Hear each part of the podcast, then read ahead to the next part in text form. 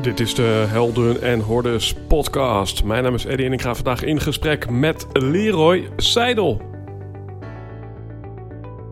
In de zomer van 2016 ontdekten we dat we een schakel waren in een netwerk van mensen die wij conscious business founders zijn gaan noemen. Bijzonder gemotiveerde ondernemers die ergens voor durven te staan. Ook als dat inhoudt dat ze daar alleen voor staan. Die 200% toewijding willen geven voor 1% groei en zeggen: Dit ben ik en dit is mijn bijdrage aan een meer gebalanceerde wereld. Helaas kon je niet bij al deze gesprekken aanwezig zijn. Daarom hebben we die bijzondere verhalen voor je samengebracht in deze podcast. We wensen je veel luisterplezier, maar belangrijker nog, we hopen dat jij de volgende stap gaat zetten in jouw avontuur.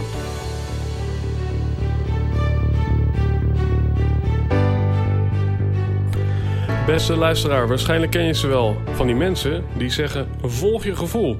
Bijvoorbeeld als je een studie moet kiezen. Of van die lui in de sportschool die zeggen: wees gemotiveerd. Maar dan kun je je afvragen of je bij het behalen van je grootste doelen, van de dingen die het meest belangrijk voor jou zijn, of je wel zoveel hebt aan motivatie en of het wel zo verstandig is om je gevoel te volgen.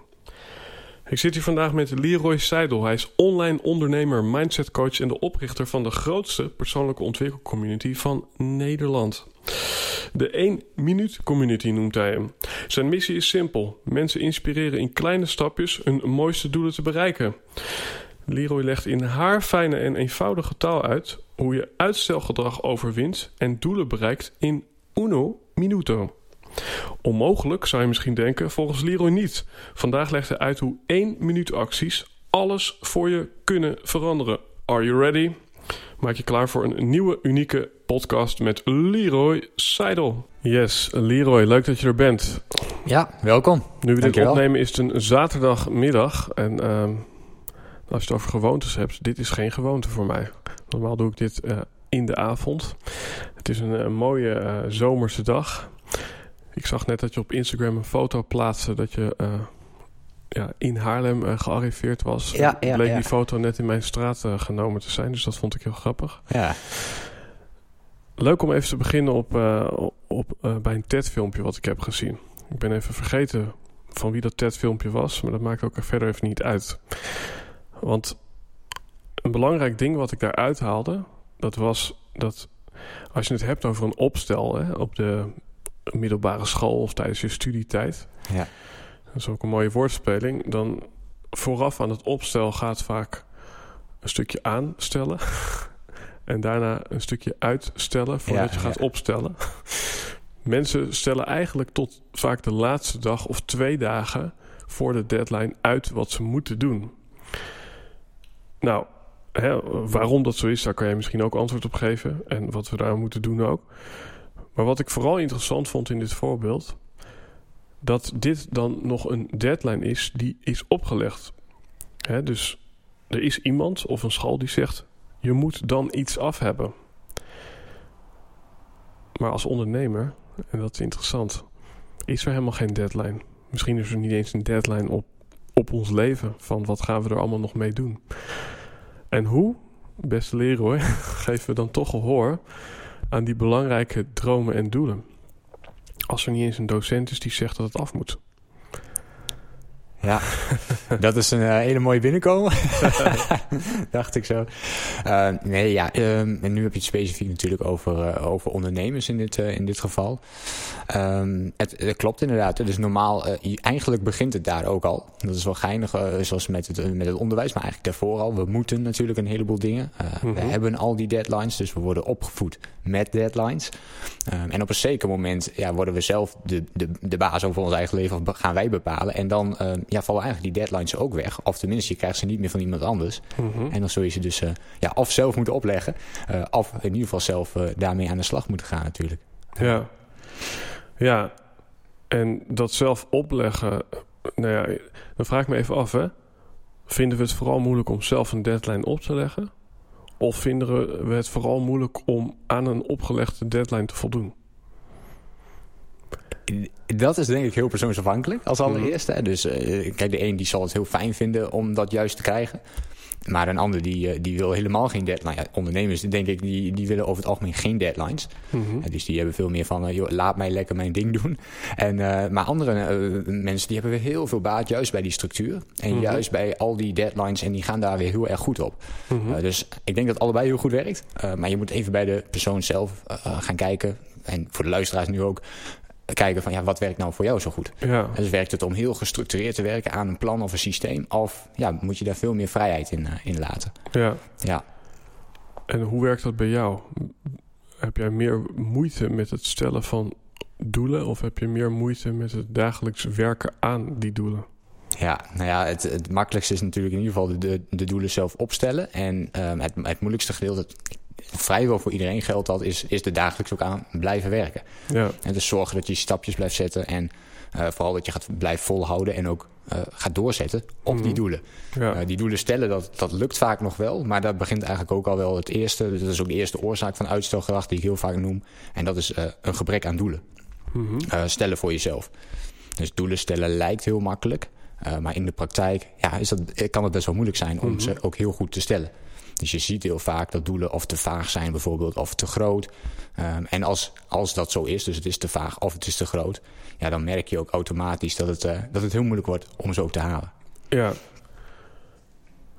Dus ja, hè, we, we hebben het hier ergens meteen al over gewoontes en over eh, misschien ook over discipline. Maar jij zegt eigenlijk, eh, de moeilijkheid zit hem vaak in, in, in het weinig concretiseren van waar je naartoe wilt. Ja, eh, dat is wel waar het begint. Als je het echt over uitstelgedrag hebt, waar je net eh, mee kwam eh, wat betreft de vraag. Ja, als je daarnaar kijkt, dan, dan begint het eigenlijk altijd al met doelen stellen. Mhm. En de allerbelangrijkste vraag natuurlijk die we ons allemaal wel eens een keer stellen is... wat wil je nou echt? Ja, Um, en dat is gekoppeld aan ook de doelen die je hebt. Dus je hoeft nu nog niet per se te weten wat je precies wilt. Maar um, jouw doel kan ook zijn te erachter komen wat dat is. Dat is natuurlijk ook een doel op zich. ja, Um, en dan kun je daar weer een plan op gaan maken. Waar het vooral om gaat is dat je die doelen maakt. Ik vergelijk het heel vaak met een, een berg die je voor je Mhm. kunt zien. Nou, en die berg, die, jij begint ergens en je wilt ergens naartoe, dus een bepaald doel realiseren. Mhm. Nou, en die berg die ga je ondertussen opstappen. Mhm. Tenminste, dat is de bedoeling. Nou, vaak beginnen we onderaan die berg en dan zijn we helemaal omringd met allemaal bergen. Nou, jij kunt kiezen welke bergen ga ik kiezen, dus welke doelen eh, wil, ik, eh, wil ik voor mezelf gaan realiseren. Maar als je onderaan dat dal staat en het is heel mistig voor je, dan is het best wel lastig om, eh, om jouw doel al te zien. Ja, dus ik begin heel vaak als ik mensen ook eh, de vraag stel van ja, wat is nou jouw belangrijkste doel? Hè? Dus als ik klanten heb of mensen die ermee komen. En dan hoor je heel vaak ja, eh, nou, ik wil misschien wel meer afvallen. Ja, of, of de goede voornemens komen ook heel vaak voorbij Mhm. dan. Of ik wil meer sporten, of ik wil meer tijd voor mezelf nemen. Maar dit zijn geen concrete doelen. ja, Ja, dus eh, dus hoe, wat wil je er dan precies mee? Meer geld verdienen vind ik een hele mooie. Stel, jij zou bij mij komen en je zegt... ja, ik wil meer geld verdienen, Leroy, met mijn business bijvoorbeeld. Eh, dan kan ik zeggen nu tegen jou... goed, eh, helemaal prima. Eh, ik geef jou nu 1 eurocent eh, en je hebt meer geld verdiend. ja, Maar dat is, je, je, je voelt hem al, dat, dat is natuurlijk niet wat je bedoelt. ja, maar, hoeveel geld wil je dan wel verdienen? En wanneer wil je zoveel geld verdienen? En wat wordt het plan om dat te gaan realiseren? Mhm. Nou, en dat is uiteindelijk natuurlijk waar het om draait. Dus als je die vragen heel ge- eh, concretiseerd voor jezelf gaat stellen, dan kun je ook die mist verdwijnt dan. En Ja. dan heb je opeens dat doel wel voor je. Dus dan zie je het ook.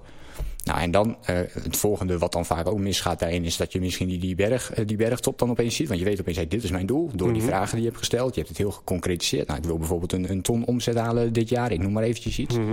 Nou, dan is het helder. Als je daar dan een plan op maakt hoe je dat gaat realiseren... kun je daar naartoe werken. Eh, maar dan kan het doel nog te groot zijn. Wat, je, wat je ook kan tegenhouden om, om natuurlijk die volgende stap te gaan zetten. En hoe groter het doel is, zeg ik ook vaak... Ja, hoe groter ook de angst wordt om in actie te komen.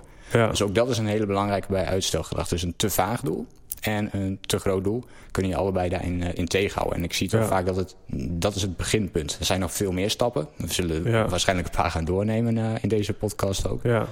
Uh, maar dat zijn een paar van de basis. eh. Ja, want Principes. eh, weet je wel, eh, er wordt vaak gezegd dat we de, de makkelijke dingen voorrang geven eh, op de moeilijke dingen. Ja. Dus we hebben een takenlijst en er staat iets op, eh, bijvoorbeeld eh, een, een mailtje nog verzenden. Ja, dat is vaak makkelijker dan eh, eh, beginnen met het starten aan je online opleiding. Ja. Ja, dus, maar dat zit hem dus niet alleen in dat, dat het kleiner is, maar vaak ook dat het, dat is even mijn in- interpretatie, dat, kleine, dat die kleine dingen vaak ook heel concreet zijn. Een mailtje sturen, dat is vrij meetbaar. Ja. Je hebt hem verstuurd of je hebt hem niet verstuurd. Ja. En ehm, Zou je kunnen zeggen dat er eigenlijk alleen maar kleine doelen bestaan bij deze? Ehm, Want ook om een grote berg te beklimmen, Mhm. moet je bepalen wat je het komende uur gaat doen en welke stap je nu gaat zetten. Ja, ja. In de ideale situatie heb je wel een groter doel. eh, voor je. Mhm. Dus dat zou kunnen zijn, eh, ik noem maar wat, 20 kilo afvallen. En dat, Mhm. ja, het is ook maar net wat je zelf natuurlijk een groot doel vindt, maar over het algemeen is dat een groot doel. Eh, of bijvoorbeeld een miljoen gaan verdienen. Ja. Eh, ik, ik noem wat, dat zijn echt grote doelen. Dus dat is eh, de, de bergtop waar je naartoe wilt. Mhm. Maar daartussendoor, wat jij inderdaad aangeeft, ja, dan wil je die tussendoelen stellen. Als je alleen Mhm. dat grote doel blijft stellen, dan wordt de kans heel groot dat je niet in actie komt. Ja. Of misschien een paar dagen, maar dan meteen al denkt van ja, dit gaat dus niet lukken. Mhm. Ja, want in een, in een maand tijd kun je niet die 20 kilo afvallen. Of, of kun je die miljoen gaan verdienen over het algemeen. Ja, Ehm, dus daartussen wil je wel die kleine stapjes gaan zetten om die berg langzaam aan te kunnen eh, betreden. Dus het mooiste is om, eh, als je die, dat miljoen bijvoorbeeld wil hebben, nou, om daar een stappenplan van te gaan maken. Over tien jaar wil ik bijvoorbeeld dat miljoen gaan verdienen. Ehm, en dan die tussenstapjes daarvan te gaan maken. Oké, hoe ga ik dat dan doen? Wat wil ik dan uiteindelijk dit jaar, aan het einde van dit jaar? Zou dan Mhm. 50.000 dan mooi zijn of een ton? En, en wat wordt het dan daarna?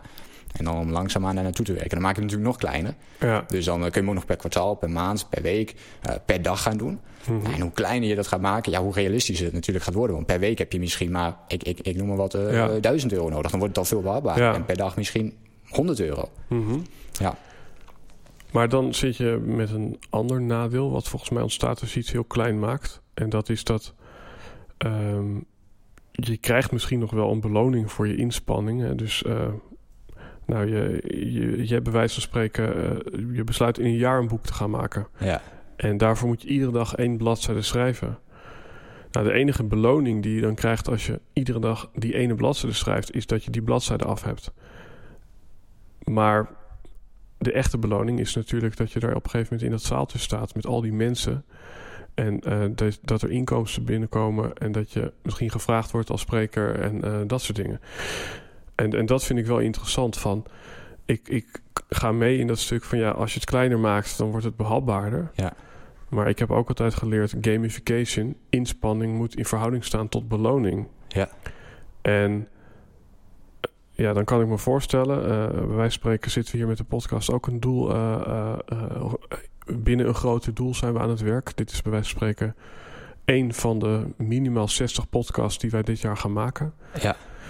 Eh, maar waarschijnlijk zie ik pas echt na 60 podcasts zie ik dat we met onze missie eh, een bepaalde impact maken. En dat zie ik nog niet na het publiceren van alleen deze aflevering. Dus ja, hoe ga ik daarmee om? Nou, dat is een hele mooie, die, eh, de- hoe je dat stelt. En ehm, daarvoor is het ook weer persoonsafhankelijk hoe ga je dat doen. Maar je kunt natuurlijk voor jezelf wel bepalen om te zeggen van nou, als we die 60 podcasts hebben gehad, eh, dan ga ik mezelf een grote beloning geven. En je zou ook kunnen zeggen, na, na 10 podcasts eh, komt er een kleinere beloning. Hè? Dus, dus eh, Ja. dat is natuurlijk helemaal persoonsafhankelijk. eh, waar jij die beloning voor jezelf legt. Ja, En dat kan ook na elke podcast zijn. Dat je na elke podcast denkt van... nou, nu drink ik Mhm. er een biertje op of zo. ja, dat je het heel simpel houdt. Um, en dat dat jou al kan, kan belonen. Maar voor grotere doelen kan het natuurlijk zijn dat je daar natuurlijk een grotere beloning voor jezelf aan gaat koppelen. Uh, en als je dat van tevoren doet, motiveert dat natuurlijk alleen maar meer. Maar, maar, maar daar zit volgens mij iets interessants. Die moet je namelijk dan zelf gaan creëren. Ja, Want stel, hè, ik heb een jaar lang podcast gemaakt en ik heb daardoor zoveel duizenden volgers of zoveel duizenden luisteraars. En daarmee misschien zelfs zoveel duizenden mensen die we ook weer kunnen helpen met eventueel een betaald product dat we ook nog hebben. Maar dan, dan ontstaat dat eigenlijk van buitenaf. Dus mensen die, die luisteren naar ons. mm -hmm. Maar wat jij nu zegt van na tien podcasts kan je er een biertje op drinken. Maar dat is iets wat je dan zelf... Dan moet je zelf de beloning uh, meebrengen als het ware. Ja, dan moet je ja. je eigen cadeautje meebrengen. Ja, tuurlijk. tuurlijk, ja. tuurlijk. Het is ook... Uh, jij uh, doet natuurlijk... Jij, jij doet die inspanning ook. Ja. En dus jij zorgt ervoor dat jij die dingen doet die jij graag wil doen. Um, en dan daarna kun je jezelf natuurlijk voor die inspanning uh, ook gaan belonen. Ja. ja. Het zou raar zijn als, als iemand anders uh, jou die beloning gaat geven, toch? Ja. Nee, maar omdat op het moment, hè, stel dat ik uh, nou, een topvoetballer word, dan is wel iemand anders degene die die beloning geeft. Want die geeft mij of een heel hoog salaris, of een heel hard applaus, mm -hmm. uh, of uh, heel veel volgers op Instagram, of uh, aanzien of wat dan ook. Maar, ja. maar, maar het, wat, wat ik dus vooral wil meenemen uit, uit dit eerste stukje van het gesprek ja, is ja. Um, de grote beloning die we allemaal willen. Dat is eentje die dus waarschijnlijk ook wordt uh, ondersteund door onze omgeving. Die, die, die helpen ons met het verkrijgen van die beloning vaak. Maar, maar die kleine beloningjes vooraf, die dus blijkbaar nodig zijn om gemotiveerd te blijven, die, die moet je jezelf dan gaan geven. Um, Oké, dus, dus hè, dat is, het is dus niet de waarheid, maar dat is even wat ik er zelf even uit we, we, zullen meteen denk ik nog wel, maar dat is nog wel een interessant stukje, want um, en je hebt het nu over uh, gemotiveerd. Ja. Um, en ja, motivatie is wel iets, iets, um, iets wat belangrijk kan zijn, mm -hmm. maar het werkt vooral ook uh, alleen maar op de korte termijn. Dus je kunt wel nu een beloning stellen en dan is dat heel leuk, maar uh, je zult gaan merken dat, ik denk dat we het zo, zo meteen nog wel uitgebreid over gaan hebben, dat motivatie lang niet genoeg is. Ik zeg ook heel vaak van video's, motivatie is bullshit, mm -hmm. motivatie is onzin. Um, en dat een hele andere strategie eigenlijk veel beter werkt dan alles doen op basis van, van motivatie. En uh, nu mag je eigenlijk meteen door. Wat, wat, wat is die andere manier? Ja, dus als je kijkt vanuit... Eerst is het belangrijk om te kijken waarom werkt motivatie dan maar heel beperkt. Mm -hmm. We denken heel vaak dat we het allemaal vanuit motivatie moeten doen. Um, en als we daar heel goed naar kijken, dan merken we dat motivatie altijd afhankelijk is van je gevoelens om in beweging te komen. Dus je bent vanochtend uit bed gestapt en mm -hmm. dus ben je heel positief uit bed gestapt. Heb je een positief gevoel, dan zorgt het ook voor dat je motivatie hebt. Mm -hmm. dan, kun je alles die dag doen. Dus werk gaat lekker, sport gaat ja. werk, alles gaat gewoon goed. Maar uh, stel je voor, volgende uh, morgen sta je weer op. Ja. En je staat op met een negatief gevoel. Dat kan ook natuurlijk ja. een keer. Dat, dat, kun je trainen om iets positiever. Maar we hebben allemaal wel eens een, een negatief gevoel. Of dat mm -hmm. we ons niet zo prettig voelen. Of dat we denken, ja. ah, waarom moet ik nu al mijn bed uit? Mm -hmm. um, en op die moment, als je dat gevoel hebt... Ja, dan wordt het vaak ook heel moeilijk om ook nog heel goed op het werk te presteren mm -hmm. uh, enzovoort. En dan heb je dus geen motivatie. Ja. Dus heb je positief gevoel, heb je wel motivatie. Lukt alles wel. Uh, maar heb je een negatief gevoel, dan heb je geen motivatie. Ja. En dan lukt het ook niet echt. Ja. Dus je wilt eigenlijk iets hebben wat onafhankelijk is van je gevoelens. Mm -hmm. Waardoor je dus ook op die andere dagen gewoon uh, het wel doet. Ook al heb je er geen zin in. Sport is een heel mooi voorbeeld. He, dus je, uh, misschien heb je wel eens gehad dat je, dat, je, dat je wilt gaan sporten, maar je bent aan de bank hangen of mm -hmm. je bent uh, een serie aan het kijken. En je denkt van, nou, weet je, vanavond eventjes niet. Ja. Nou, op dat moment wil je dus eigenlijk dat je, onafhankelijk van je gevoelens, dat je toch naar die sportschool gaat. Ja. Dus dan heb je misschien geen motivatie, maar dan doe je het wel. Dus dan ga je ja. wel actie ondernemen. Mm -hmm. ja, wat dan wel werkt, is, is in plaats van de motivatiestrategie, zoals, zoals ik dat noem, de gewoontestrategie toepassen. Mm -hmm. Dus je gaat dingen doen vanuit uh, gewoontes die je hebt opgesteld. Ja. Nou, en een heel mooi voorbeeld daarbij, want dat zijn eigenlijk dingen die op de lange termijn heel goed werken. Um, en een mooi voorbeeld is het tandenpoetsen. Ja. Dus op het moment, uh, jij kunt je nog zo kloten voelen, of een heel negatief gevoel hebben. Maar ja, de kans dat je gaat tandenpoetsen is enorm groot. Ja. Uh, ja waarom doe je dat wel? Ik ken er nog geen ademhalen. Ademhalen, tuurlijk, tuurlijk. Ademhalen sowieso. Maar uh, lopen, ja. fietsen, autorijden. Dat zijn allemaal hele basic voorbeelden. Uh, maar wat ik heel mooi vind, is dat je deze principes, dus zoals het tandenpoetsen ook, dat je die kunt toepassen op elk ander onderdeel. Ja. Die ogenschijnlijk moeilijker lijken voor mensen om te realiseren. En dan heb ik het over bijvoorbeeld stoppen met snoezen. Dat mm -hmm. is ook iets waar je een gewoonte van kunt maken, wat je gewoon kunt aanleren. Uh, maar hetzelfde geldt voor uh, iets eerder willen opstaan bijvoorbeeld. Mm -hmm. Of een, uh, nou we hebben hier een glas water, maar een glas water meer drinken ja. per dag. Daar kun je een gewoonte van maken. Minimaal drie keer ja. de week sporten, kun je een gewoonte van maken. Ja, ik heb wel eens geleerd, motivatie komt... dus ik, ik, ik snap hoe jij hem interpreteert. En dat gaat dus over een stukje gevoel. Um, en dat gevoel, ja, dat kan jou ja, de ene keer naar een resultaat brengen... en de andere keer juist er verder vanaf motivatie, als je het woord uitkleedt, dan kom je op motief. En dat vind ik wel weer een mooi woord. Want als je een motief hebt om iets te doen, een beweegreden, zoals Leroy Naarden dat ook mooi zegt, ja, dan is het misschien van ja, ik heb een missie. En dan is het weer onderdeel van een groter doel. Ja, ja. ja. Um, dus dan hoeft het misschien niet helemaal op, alleen maar op gewoontegedrag. Maar, maar dan hou je ook nog in je achterhoofd, ochtends, je wordt wakker. Ik heb geen zin, maar ik weet waar ik uiteindelijk naartoe wil. En dat is dan een motief. Ja, goed, dus misschien een beetje spelen met de Nederlandse taal. Maar ik, ik, ik, ik ga wel uh, het vuur een beetje aan je schenen leggen misschien. Want wij hebben Steve Jobs gehad en die zei... Uh, Do what you love and if you didn't find it, don't settle. Right? En uh, nou, ik word dan wakker en ik heb even geen zin in iets. Ja, dan denk ik, oh ja, Steve Jobs zei, dan moet je gewoon verder zoeken. Daar moet je niet voor gaan settelen. Als je het niet leuk vindt, moet je het gewoon niet doen. Mm -hmm. En jij zegt eigenlijk, als je het niet leuk vindt, moet je het wel doen. Ja, nou ja, ja, gedeeltelijk wel. Uh, maar wat jij zegt uh, in het begin, het stukje met uh, wat betreft je missie, dan praat je ook over iets heel anders alweer dan motivatie. Mm -hmm. natuurlijk kun je daardoor gemotiveerd worden, maar ik zou dan veel meer nog zeggen, je bent erdoor geïnspireerd. Wat ik dan weer nog een, een groter woord vind dan motivatie. Mm -hmm. en op het moment dat je die, die missie kent, ja, natuurlijk ga je dan die stappen ook wel zetten. Maar dan ga je dus ook automatisch, dan heb je ook wel de, de, de, ja, de kracht, zou je kunnen ja. zeggen om die gewoontes te ontwikkelen die daar heel goed bij passen. Ja. En dus Steve Jobs, die, die wist uiteindelijk bijvoorbeeld wat hij heel graag wilde doen. Maar daarna heeft hij ook gewoontes toegepast om ja. het zo goed mogelijk te kunnen blijven doen. om zo creatief mogelijk te kunnen zijn. Om zichzelf uh, urenlang op te kunnen sluiten. Mm -hmm. Om alleen maar bezig te zijn met een bepaald product. En uh, dat zijn dan weer gewoontes die hij ja. uh, of onbewust of mm -hmm. bewust heeft, uh, heeft ontwikkeld. Dat is eventjes nou ja, terzijde. Maar uh, op welke manier je dat ook doet... als je die positieve gewoontes vervolgens hebt... Ja, dan wordt het veel makkelijker om ook dagelijks die acties ja. te blijven ondernemen. Ik heb wel eens gehoord... inspiratie komt van binnen, motivatie komt van buiten. Hoe, hoe denk ja. jij daarover? Ja, nee, ik denk dat dat wel mooi het verschil laat zien van wat ik net ook zei... van het verschil tussen motivatie en inspiratie. Dat mm -hmm. het ene veel meer is van, uh, vanuit binnenuit.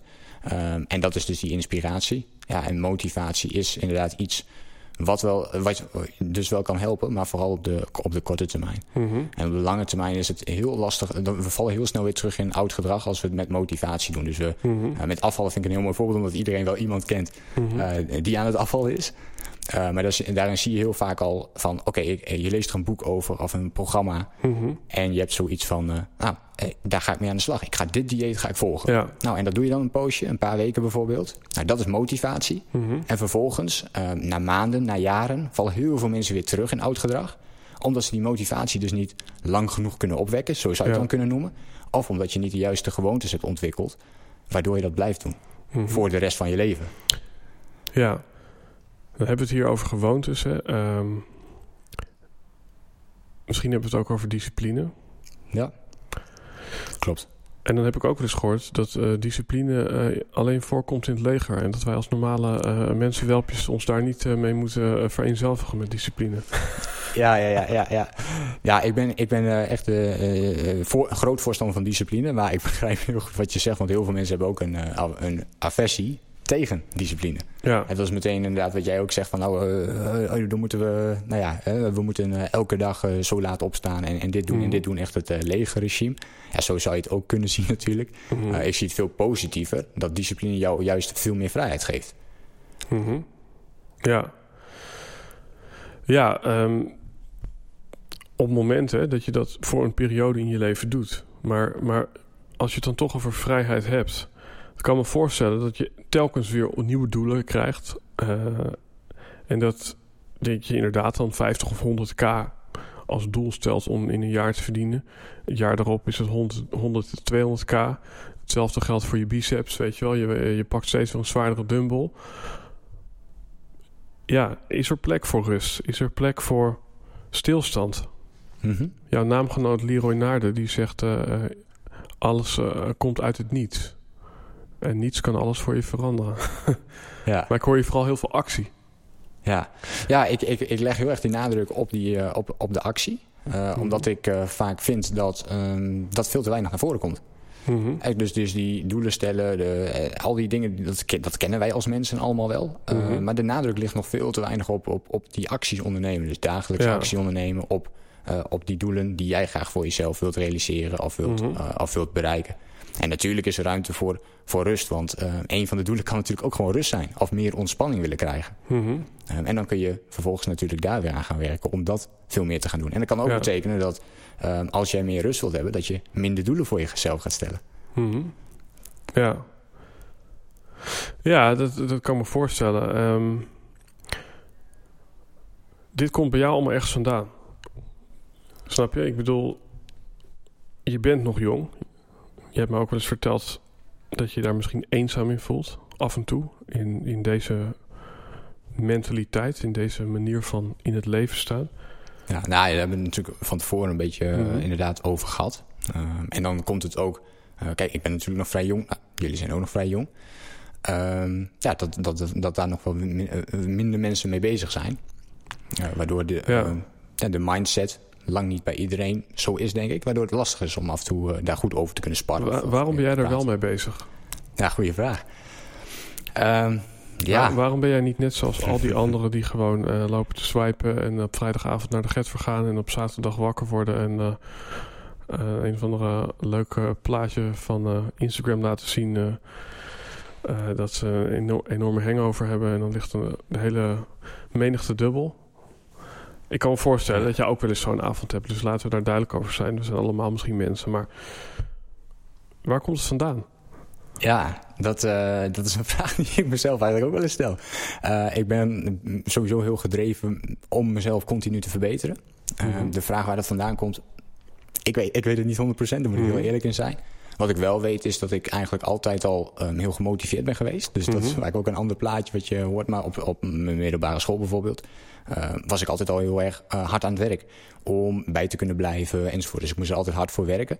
Uh, het is niet zo dat ik nou per se heel slim was. Maar wel door doorzettingsvermogen kon, ik, mhm. kon ik het bijbenen. Ja. dus ik heb toen al geleerd om veel meer te doen. Dan, dan misschien iemand anders zou doen. Ja. Um, en daarna heb ik dat doorgetrokken ook naar het HBO. dus ik ben HBO bedrijfskunde gaan studeren. En toen halverwege mijn studie, dus ik was al heel gemotiveerd, maar toen had ik opeens het gevoel bij mezelf: um, er mist nog iets. En dus, dus eigenlijk klopte alles al. En ik deed ook al iets wat ik leuk vond. En nou, ik durf wel te mhm. zeggen dat ik al twee, drie keer zo gemotiveerd was als de gemiddelde student. Um, en dat zag je ook terug dan in de resultaten. Um, en in het harde werken wat ik daarvoor heb gedaan. Maar toen begon mij toch een beetje af te vragen van... is er niet nog iets anders? Volgens mij zit er nog iets waardoor ik... Um, nog een vlammetje, zeg maar, die ik zelf nog bij mezelf aan moet krijgen. Alsof je een lucifer in de hand, uh, in de hand hebt en een doosje. En je kunt bijna kun je mhm. aanvinken om, uh, om ook daadwerkelijk dat vlammetje te krijgen. Maar het mhm. lukt nog net niet helemaal. Ja. Um, en ik was even op zoek naar dat vlammetje nog. Ja. Toen zag ik op de boekenlijst bij ons op de studie uh, opeens het boek uh, De Zeven Eigenschappen staan. De Zeven Eigenschappen van Effectief Leiderschap van Stephen Covey. Mm -hmm. um, groen boek is dat. Best verkochte managementboek alle tijden. Ik vind het geen managementboek, maar meer een persoonlijk ontwikkelingsboek. En ik ging altijd die boeken van tevoren nog even bij, bij langs van... Goh, wat is misschien interessant. Toen mhm. zag ik dat boek, toen dacht ik, dat boek moet ik hebben. Mhm. Nou, juist dat boek werd uh, afgewezen van, uh, vanaf het onderwijs. Dus uh, dat boek hoefden we niet meer te doen. als enige van, de, van die hele boekenlijst. Maar ik wilde dat boek wel heel graag mhm. hebben. Dus ik dacht van, nou ja, dan ga ik naar Marktplaats. Ja. Voor een tientje heb ik dat boek uiteindelijk op de kop getikt. En nou, dat is een van mijn allerbeste, misschien wel mijn beste investering geweest in persoonlijke ontwikkeling, dat ene tientje. Mm want ik ging dat boek lezen en ja, toen was ik helemaal verkocht. Dus toen, wel, toen ben ik uh, in twee jaar tijd honderden boeken gaan lezen over persoonlijke ontwikkeling. En ben ik me er helemaal in gaan verdiepen. Ja. ja en dat is eigenlijk het begin geweest. Dat ik dacht van, oké, er is zoveel meer waarin we ons kunnen ontwikkelen. Zoveel meer potentie zit er in ons. Mm um, wat er allemaal uit kan komen. En ja. ja. daar ben ik toen voor mezelf heel erg mee bezig geweest. Door uit te zoeken, wat is dat dan voor mij? Ja. Dus allemaal oefeningen maken en, uh, en al die boeken door en markeren en, en continu. En op een gegeven moment komt een bepaald patroon uit. Um, en bij mij was dat patroon, nou, mensen inspireren. Dat waren mhm. eigenlijk de twee kernwoorden die continu terugkwamen. Nou, en toen ben ik gaan kijken, oké, hoe kan ik dan mensen uh, inspireren op een manier die heel goed bij mij past. Ja. ja. Je zei net, uh, hè, ik was misschien niet de meest talentvolle jongen op school. Maar ik had wel een hele hoge discipline. Misschien ook daardoor. Dus je kan zeggen dat is mhm. toch een stukje noodzaak om ook dat ene papiertje te kunnen krijgen. Maar ja, twee dingen die ik eruit haal. Eén is wat ik vaak zie. Dat is misschien een aanname. Maar mensen die dus juist misschien iets minder bevoorrecht zijn. Uh, ja, of, niet uh, zeg maar hoogbegaafd zijn. Ja, die ontwikkelen dan een stukje mentaliteit of discipline. Waardoor ze uiteindelijk nog verder komen dan die lui, die misschien geniaal zijn. Waarom? Omdat je daarin dus ja, het, het leert uh, master of self-discipline, zoals Brian Tracy dat noemt. Ja, als je dat beheerst, dan, ja, dan kan, is de sky vaak de limit. Mm -hmm. Ik heb ook in een Instagram-post hier iets over gelezen bij jou. Van je hoeft niet de slimste te zijn. Als je maar degene bent die het hardste werkt of de, de hoogste mate van discipline heeft. Ja. En ik snap je gedachtegang. Maar ik wil er wel even iets tegen aanhouden. Er is een aflevering College Tour onlangs op televisie geweest... waarin Peter Pannenkoek uh, uh, aanwezig was. En hij is cabaretier. En hij keek naar een muur, net zoals deze muur. En dan heb je allemaal cabaretiers, weet je wel. Dan heb je uh, Theo Maassen, dan heb je Hans Steeuwen... en dan heb je Peter Pannenkoek zelf... Nou goed, die hele muur stond vol. En toen ging die ze allemaal af. En toen zei hij, die vind ik om die reden leuk, die vind ik om die reden leuk. En toen vroeg de presentator uh, Matthijs van Nieuwkerk... En wat vind je van Hans Steeuwen? Inspireert die je ook? Hij zegt, nou die noem ik eigenlijk niet. Want die is volgens mij slimmer en getalenteerder dan de hele rest bij elkaar. Dus daar kan ik me niet aan meten. Hij zegt, er zijn, Ja. er zijn drie dingen die spelen volgens mij een rol bij succes.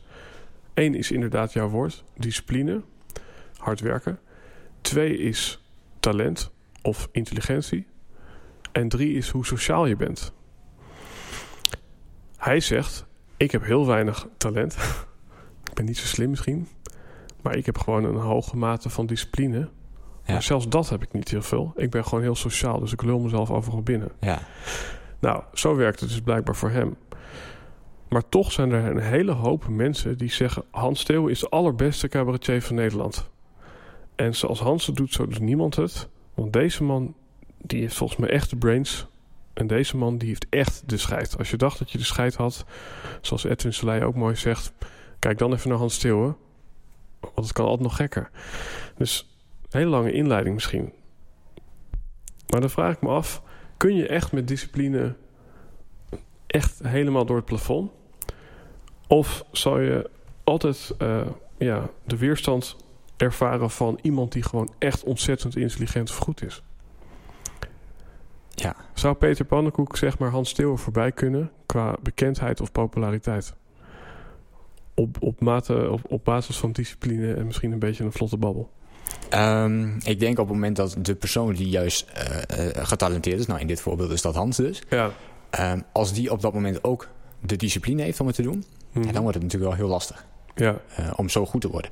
Ehm, nu, nu ga je echt voor de, je hebt het nu over de top 1%, zeg maar. ja, Eh, waar het mij vooral om gaat, is haal je het maximale uit jezelf. ja, Dus eh, dat maakt voor mij niet uit ehm, of je dan wel of geen talent hebt of de discipline wel of niet. Mhm. Maar vind jij van jezelf dat jij, hoe jij nu leeft, ehm, is, dat, is dat dat jij ook het maximale uit jezelf haalt of ben je daar oké mee?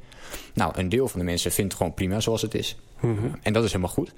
Ehm, maar heb je wel ergens dat gevoel dat het iets beter kan, dan kun je vanuit discipline, kun je dat, eh, kun je dat hoe dan ook wel gaan verbeteren.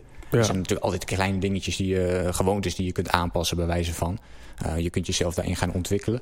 Mhm. En voor mij gaat het heel erg om, ja, ben jij zelf in jouw kwaliteit, sta jij in jouw kwaliteit? Ja. Zonder dus jezelf te vergelijken met, in dit geval bijvoorbeeld, eh, een heel getalenteerd iemand eh, zoals Hans. ja. Ja, Ja.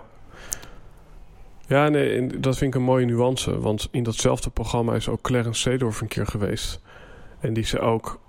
Onze voetbaljongetjes die moeten leren ook opgevoed te worden... om deel te nemen aan de maatschappij. Waarom? Omdat inderdaad maar 1% die top eh, eh, betreft... en 99% zal uiteindelijk gewoon een baan krijgen in de maatschappij. ja, Ehm, maar dan is het alsnog, en dat zei hij ook zo mooi... is voetbal wel een mooi werktuig... om te werken aan, eh, aan, aan je doelen... en om te weten wat jouw plek is in de markt. precies, precies. Ja. Ja. Ander onderwerp wat misschien eh aan verwant is... dat is het onderwerp zichtbaarheid. Ehm, wij hebben jou op het internet gevonden... doordat jij misschien boven eh, gemiddeld zichtbaar bent. Misschien heb je ook een bovengemiddeld aantal volgers... voor mensen die bezig zijn met wat jij doet. En dan vraag ik me af en toe af... soms wordt er gezegd... Being different is better than being better. Vind ik een mooie quote. Waarmee je dus eigenlijk zegt... Als je origineel bent... Nou ja, dan, dan, dan kan je eh, ja, ja, een, stuk impact maken. Bijvoorbeeld op social media. En dan heb je mensen zoals bijvoorbeeld Nissan Deneta... Of Brian Tracy... Maar misschien ook eh, eh, ja, Brandon Burchard. Mensen die gewoon zeggen wees zichtbaar. En wie daar echt met kop en eh, schouders bovenuit steekt is Gary Vee, die eh, marketeer. Mhm. En die zegt, het maakt helemaal niet uit of je creëert. Ik heb het hier met de andere Leroy ook over gehad. Ik vraag me even af... Ja, hoe, hoe verhoudt kwaliteit en kwantiteit zich tot elkaar voor jou? Ehm, en dan bedoel je ook in het verlengde van eh, zichtbaarheid. Ja, in, in, in het, ook in het verlengde van ehm, zichtbaarheid... en daarmee misschien succes of meer succes als mens of ondernemer. Ja. Ik Zou je denk- mensen willen adviseren, als ik het even plat druk, om meer te gaan posten? Of om minder te gaan posten van hogere waarden? Ja, ja nee, ik, ik- denk dat het niet zo heel veel uitmaakt wa- wat je kiest. Ehm, als je maar een strategie kiest en dat ook gaat volhouden. Mhm. Dus je kunt er best voor kiezen om te zeggen van nou, ik ga ehm, elke dag één post doen. Wat misschien eh, eh, kwantitatief gezien heel veel zou kunnen zijn. Ehm, of je zegt van nou, ik doe elke week doe ik één mega goede post. Mhm. Ehm, ik denk dat de, de insteek niet zo heel belangrijk is, maar wel ehm, dat je één van die insteken kiest. Ja. En, en dat je dat blijft volhouden. En dat je dat consistent blijft doen. Zodat je volgers weten van oké, eh, elke dag komt er Ja. een nieuwe post. Of elke week komt er een hele goede post, zeg maar. Mhm. Ehm, dus de insteek daarvan, ja, zou ik zeggen, maakt niet zo heel veel uit. Kijk vooral naar, weer opnieuw naar jou als persoon. Ja. Eh, wat spreekt het meeste bij jou aan? Ehm, en pas dat zoveel mogelijk toe. Maar natuurlijk Ja. wel op jouw eh, boodschap gericht. Dus als ik bij mezelf kijk en ehm, waardoor ik me denk ik onderscheid, is die kleine stapjes die je voor jezelf kunt zetten om eh, weer naar een volgend nou ja, eh, niveau voor jezelf te gaan. Dat je persoonlijk kunt Ja. blijven groeien. Elke dag 1% zou je kunnen zeggen. Mhm. Ehm, en dat doe ik met de 1 minuut actie. Dus elke dag nou, besteed minimaal 1 minuut per dag aan een actie, een stap in de richting van jouw belangrijkste doel. En zodra je dat doet, zul je momentum gaan krijgen uiteindelijk Ja. om steeds meer stappen te blijven zetten. Ehm, en ik heb dat vanuit die 1 minuut gedaan. Nou, dat spreekt mensen meteen aan. 1 minuut. Oh, eh, Ja. Kan ik in 1 minuut eh, uitstelgedrag overwinnen? Nou, dan, eh, en, en dan, dan heb je een aandacht. Nou, en dan daarachter zit natuurlijk dan de boodschap van oké, hoe kun je dat dan gaan doen? Ja. Hè, dus hoe ziet die 1 minuut actie eruit? Hoe kun je dat gaan implementeren? Mhm. Dus in mijn voorbeeld is het een beetje op, op die manier gegaan. Mhm. En ik hou heel erg van consistentie. Dus ik plaats bijvoorbeeld elke dag op een vast moment een post op, op, op Instagram. Mhm. Eh, dat vind ik heel belangrijk. Als ik bij andere mensen kijk, dan vind ik het ook heel fijn om ehm, op het moment dat een aantal mensen dat goed doen, dat ze dat structureel gaan doen. Dat vind ik heel, en dat komt heel krachtig over. Mhm. En heel betrouwbaar ook. Mhm. Eh, dus ik zou zeggen, wees vooral heel consistent. Ehm, en hoe vaak je post, of wat precies de waarde en de kwaliteit is. Natuurlijk wil je zo hoog mogelijke kwaliteit leveren, die heel goed past bij de Ja. behoeften. Maar wees vooral heel consistent en pas één systeem toe. Ja. Ja. Nou ja, en dat is ook weer een eigen observatie die ik hierbij krijg. Maar we denken soms vanuit perfectionisme... we wachten tot we het posten tot het heel erg goed is. Maar de paradox is dat kwantiteit is eigenlijk kwaliteit. Want als je namelijk heel veel doet... wordt vanzelf ook je kwaliteit beter. En dat, en dat is denk ik... Ja. Ja, dat, dat is eh, waar, waar vooral de creatieve ondernemer... die hier misschien ook naar luistert, veel van kan leren. Ja, en vooral dat stukje, als ik op, op inhaak inderdaad, en dat stukje eh, wat jij zegt, eh, we zijn geneigd om de lat heel hoog te leggen. Mhm. En om ehm, hele hoge verwachtingen ook van onszelf te hebben. En een topkwaliteit neer te zetten. Mhm. En dat is ook een van de dingen waardoor uitstelgedrag vaak eh, voorkomt. Mhm. We zijn te perfectionistisch of we willen het te goed doen, waardoor we het maar niet doen. Ja. En dus dat artikel dat we hebben geschreven, dat gaan we toch maar niet publiceren. Want Mhm. er moet nog één DT klopt nog niet. Of dit Ja. klopt nog net niet. Ehm, en ja, voor je het weet ben je dus een paar jaar verder. Of, of ben je misschien Ja. wel tientallen jaren verder. Ja. En heb je nog steeds die ene, aan dat ene artikel niet geplaatst. Mhm. Omdat je toen te perfectionistisch was. Ja. Ja, dus eh, gewoon snel starten is eigenlijk het beste. En dan, en dan leer je daarvan. En vervolgens ga je natuurlijk dingen aanpassen, verbeteren eh, enzovoort. Ook een mooie tweedeling is werken voor jezelf of voor een ander. Want ik kan me voorstellen dat als jij dagelijks iets post, dat, dat misschien 90% van dat wat je post voor jezelf al lang de revue heeft gepasseerd. Dus dat jij iets post waarvan je zelf al lang dacht, ja, voor mij eh, was dit anderhalf jaar geleden een inzicht, maar niet meer vandaag. Mhm. Hoe ga je daarmee om? Als je het dan toch over motivatie hebt. Ja, Hè? dus, eh, dan- Dus, dus je, je post iets waar, waar, wat, wat voor jou niet echt eh, going on is eh, eh, today, zeg maar. Nee, precies. Nou, ik, ik denk dat eh, op het moment dat je iets gaat posten, bijvoorbeeld van, van anderhalf jaar geleden, ehm, dat kan nu dus heel relevant zijn voor iemand anders. Ja, Dus als het wel jouw, eh, jouw boodschap ondersteunt, ehm, ja, waarom niet? ja. Ehm, want tenminste, voor mij is, is de, de reden dat ik eh, post plaats, is Mhm. vooral om andere mensen te helpen. Ja, En dat kan met een inzicht zijn dat ik anderhalf jaar geleden heb opgedaan, of vijf jaar geleden, of misschien Mhm. gisteren eh, heb opgedaan. Maar al die inzichten komen natuurlijk bij elkaar. Ja. En ehm, ja, je kunt een inzicht plaatsen van anderhalf jaar geleden, dat kun je nu doen. Maar het kan ook een inzicht zijn die, je vandaag, die ik vandaag nu opdoe. En dat Mhm. ik denk van, hey, die ga ik morgen posten. Dus het kan een stuk, het, het kan ook een combinatie van Ja. zijn natuurlijk. Een stuk actualiteit en een stuk wat voor jou misschien al is geweest. Maar jouw boodschap wel heel Ja. erg ondersteunt. Ja, en ik denk dat dit stuk ook jou enorm typeert. Ik vroeg jou voor deze aflevering: hey, ik weet dat je bezig gaat met kleine stapjes voor grote doelen.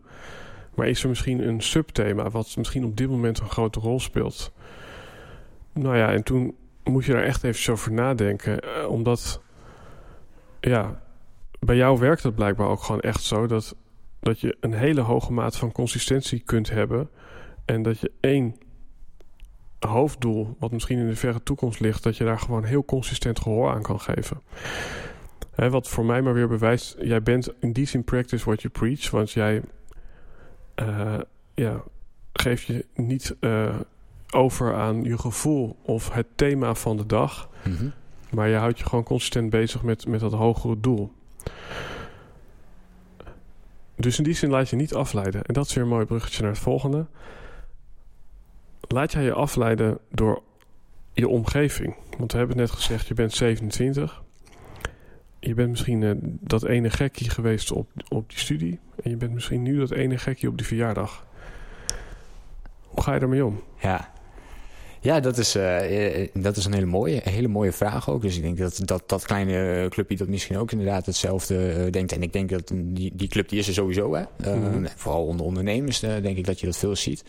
En dat is wel een vraagstuk. ehm, dat, is, dat, dat kan aan de ene kant lastig zijn. Mhm. Ehm, aan de andere kant is het heel erg kijken naar het energieniveau. Wat, wat het je gaat brengen. Dus dat, het voorbeeld is dat de verjaardag is, is een heel mooi voorbeeld. Mhm. Ehm, de gemiddelde verjaardag, ja, daar is natuurlijk, hè, gaat het vrij oppervlakkig en daar gaan we niet echt heel erg de, de diepgang in. Ja. Ehm, dat hoeft niet zo'n probleem te zijn, maar geeft het jou energie, ja of nee? Mhm. En op het moment dat ik merk dat het mij geen energie geeft, dan kan ik misschien één of twee verjaardagen per maand bijvoorbeeld hebben. Ja. Eh, en dat vind ik oké voor mezelf. Dus dat, dat is, aan iedereen is het anders, hè? Mhm.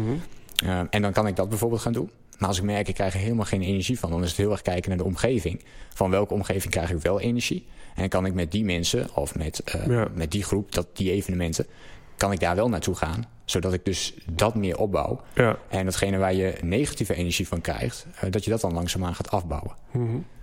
Dus het is heel erg kijken tussen, tussen die energieniveaus wat dat betreft. En ik denk dat hoe meer je die positieve opzoekt en hoe minder die negatieve. Je kunt het misschien niet helemaal uitsluiten. Kijk, het kan zijn dat bijvoorbeeld jouw familie negatief is. Mhm. Ja, eh, het is wel je familie. Ja. En dus het is misschien lastig om helemaal afscheid van te nemen. Maar ga dan in plaats van dat je bijvoorbeeld een hele dag eh, een familiebezoek doet, maak er dan vier uur van. En dan haal je dus al een paar uur, bijvoorbeeld acht uur, Ja. van acht uur naar vier uur. Ik noem maar even wat. Ja. En ehm, dan ben je dus al die vier uur extra pak je alweer Ja. voor iets positiefs om te kunnen doen. Terwijl je toch ook de aandacht en de tijd nog steeds hebt eh, voor familie. Mhm. Dus dat is een beetje hoe je het zou... eh, Ja, ook, ook hier hoor ik eigenlijk weer een soort van structureel strategisch plan. dat, Ja. dat, dat, dat weet jij over alles heen te leggen. Dus eh, ja, ieder, Ja. ieder complex probleem, daar komt een, nou nog net geen Excel-sheet bij, maar ja, ja. ja, zo, zou je dat dus, zo zou je het kunnen doen. Hè? Ja. Eh, dus dat is, dat is inderdaad hoe mijn brein dan eh, werkt op dat moment... Ja. Om, eh, om die stappen voor te kunnen zijn. Mhm. Ehm, en als je dat denk ik niet doet, dan ga je daarin mee. Maar je kunt jezelf daar ook denk ik in verliezen... Ja. door het dan maar wel te gaan doen. Maar dan ben je dus ergens waar je eigenlijk helemaal geen energie van krijgt. Mhm. Ehm, en wat je veel energie gaat kosten. En dat is natuurlijk, tenminste, dat vind ik ontzettend zonde als, al- als dat gebeurt. Ja. Eh, dus, en eh, op dat geval, eh, als je dat van jezelf weet, ja, dan kun je beter gaan kijken van oké, wat leidt mij dan niet af? Of wat geeft mij dan wel die, Mhm. juiste focus? En dan kun je dus omringen met, met andere mensen, ja of nee? Ja. Ja. Of bijvoorbeeld ehm, bepaalde boeken of, of, of podcasts die je wilt lezen, Mhm. of eh, die jou juist heel erg helpen of ondersteunen, video's. Ja. En meer tijd daarin te stoppen. Is er iets onlangs of, of on, on, on the longer run, zeg maar? Is er iets waar je wel echt een klap in je gezicht kreeg? Waarvan je echt dacht van, oef, deze komt wel binnen. Deze heeft mijn structuur of systeem toch een beetje aangetast, als ik eerlijk ben. Ja, en dan ehm, bedoel je dan ope- opeens iets, iets, iets hards in dit, in, in dit geval? Of bedoel je iets gewoon dat je denkt van... oh, hey, ehm, ik pas een systeem toe, maar het werkt toch niet helemaal? Nou ja, dat is, dat is een interessante, hè? want ehm, je kunt eh, of eh, ja, weerstand ervaren door iemand van buitenaf iets wat jou iets aandoet. Weet je wel, you can't control the rain, but you can use an umbrella. Ehm, maar het kan ook van binnenuit zijn. Dat er een innerlijke criticus kwam die in één keer zijn eigen ja, eh, aanname of hypothese onderuit haalde. Of... Een, concept wat inderdaad compleet mislukte? Ja, nou ja, ik denk op allebei de gebieden heb ik wel voorbeelden. ten eerste is bijvoorbeeld als ik kijk, mijn familie, de rest van mijn familie zit heel anders in elkaar dan dat ik in elkaar zit. Mhm. dus wat betreft mindset met bezig zijn met persoonlijke ontwikkeling, doen zij mhm. helemaal niet. Ehm, zij doen de normale dingen en ik wil juist groeien enzovoort. Mhm. Dus daar zit een heel groot verschil in. Ehm, maar daarnaast, um, wat zijn nu eigenlijk op het, op het eind nog? Want je zei dat stuk en... Nou, je kan of een klap van binnen of van buitenaf krijgen, zeg maar. Ja, precies. Dus dat, is, dat zou een klap van buitenaf, uh, zo zou je het kunnen zien. En dus ja. de familie, nou, die me niet echt daarin in steunt, zo heb ik dat nooit zo als dusdanig gevoeld. Ze doen wel mhm. hun best, maar hè, dat, komt niet zo echt over. Um, dat is best wel een ding dat je denkt, ja, dat is jammer mm dat dat zo is. maar goed, dat is zo. en daar kan ik niet zo heel veel aan mhm. veranderen. En van binnen Tuurlijk zijn er dingen dat je denkt van oké, ik bepaal, uh, ik ben bepaalde systemen aan het toepassen. Maar werkt dat wel, ja of nee? Ja. En dan kun je natuurlijk, uh, vervolgens kun je daar natuurlijk weer op anticiperen door dat juist los te laten. Mm of dat juist niet te doen. Mm want, uh, wat ik net ook al zei, discipline geeft ook weer vrijheid. Ja. Op het moment dat je bepaalde gewoontes daarin toepast, geeft, kost het geen energie meer. Mm En heb je dus wel alle ruimte om heel creatief te zijn in die uren dat je bijvoorbeeld aan het werk bent of, ja. of iets in die zin. Wat ik even interessant vind, hè, ik, ik stel je eigenlijk de vraag hè, van... Is er een gebeurtenis geweest die in jouw leven speelt? Dus misschien heb ik mijn vraag ook niet helder genoeg gesteld. I don't know. Maar eigenlijk, eigenlijk laat je er meteen weer een, een, een systeem op los van... nou, je kunt dit zo of zo doen als dit gebeurt. Dus stel dat je een concept hebt wat niet helemaal werkt... en dan leg je vervolgens uit hoe je daarmee om bent gegaan. Maar, maar is er echt een gebeurtenis, echt een case... waarvan je denkt, nou, toen had ik dit bedacht... en dat werkte helemaal niet. Of toen zei mijn moeder dit en toen was het wel even ouder en toen ben ik een blokje omgelopen. Is er echt gewoon een, een case geweest, zeg maar, een, een, een gebeurtenis geweest die, ja, zo, die, die, je aan de luisteraar kan laten zien. Om vervolgens te laten zien hoe je daarbij om, om bent gegaan. Ja, nou ja, kijk, als ik um, heel erg uh, sowieso uh, terugkijk op, op, op alles wat er tot, uh, tot nu toe is, is gebeurd, dan heb ik dat um, natuurlijk veel, veel vaker gehad. Er zijn genoeg mm -hmm. dingen geweest. Als klein jongetje had ik Um, altijd heel erg last van faalangst. Dus ik vond het heel moeilijk om, te om mijn spreekbeurt te kunnen houden. Nou, op groep 8 uh, liep ik ook tot, uh, tot zweet aan toe. En, en, alles, en, en als een robot zat ik uh, mijn verhaal te doen... omdat ik het mm -hmm. weken van tevoren in mijn hoofd had gestampt. Ja, dat zijn dingen dan... ehm, daar krijg je heel veel angst van op dat moment. Ja. En zie daar maar eens dan overheen te komen. Dus ik heb echt tien jaar lang heb ik daar last van gehad. Uh, totdat ik op de HBO kwam en toen langzaamaan wel die kleine stapjes ook heb gezet... om toch maar te gaan presenteren. Ja, ja. Uh, maar in de uh, meer recent voorbeeld, uh, en dat is zo'n gebeurtenis wat jij, wat jij ook bedoelt, wat wel dingen op zijn kop heeft gezet. Ja, dat is op het moment dat ik ging, ging ondernemen. en in de eerste jaren van mijn eigen onderneming ben ik, heb ik 100 uur ongeveer per week gewerkt. Dus ik ben Mhm. als, een, als een gek op een kamertje van, van 3 bij 3 heb ik dat allemaal gedaan. Mhm. Nou, 100 uur op een kamer van 3 bij 3 en dat jaren doen. Dat is Ja. misschien voor niemand echt gezond. Uh, dat heb ik gedaan en uh, ja, uiteindelijk uh, ben ik daar in zekere zin kopje onderaan doorgegaan. Dat ik wel echt burn-out verschijnselen kreeg. En op een moment, smiddags ook een keer had dat ik eigenlijk de weg niet echt meer wist. Ja. Dat ging allemaal nog net goed, zeg maar. Mhm. En dat is wel een moment geweest dat ik ging uitzoomen. En dat ik dacht van, oké, Ja. er gaat iets niet helemaal goed. Ja, want de reden dat ik het vraag is... eh, mijn zus heeft ooit eh, bij toeval een mooie quote eh, gedropt. En dat is... Je gave is ook vaak je opgave. Hè? Dus jouw kwaliteit is dat je vaak gestructureerd, betrouwbaar, gedis- gedisciplineerd... aan hogere doelen kunt werken. Ja. Maar vaak zie je dat dat bijvoorbeeld werkt in je business bij je klanten...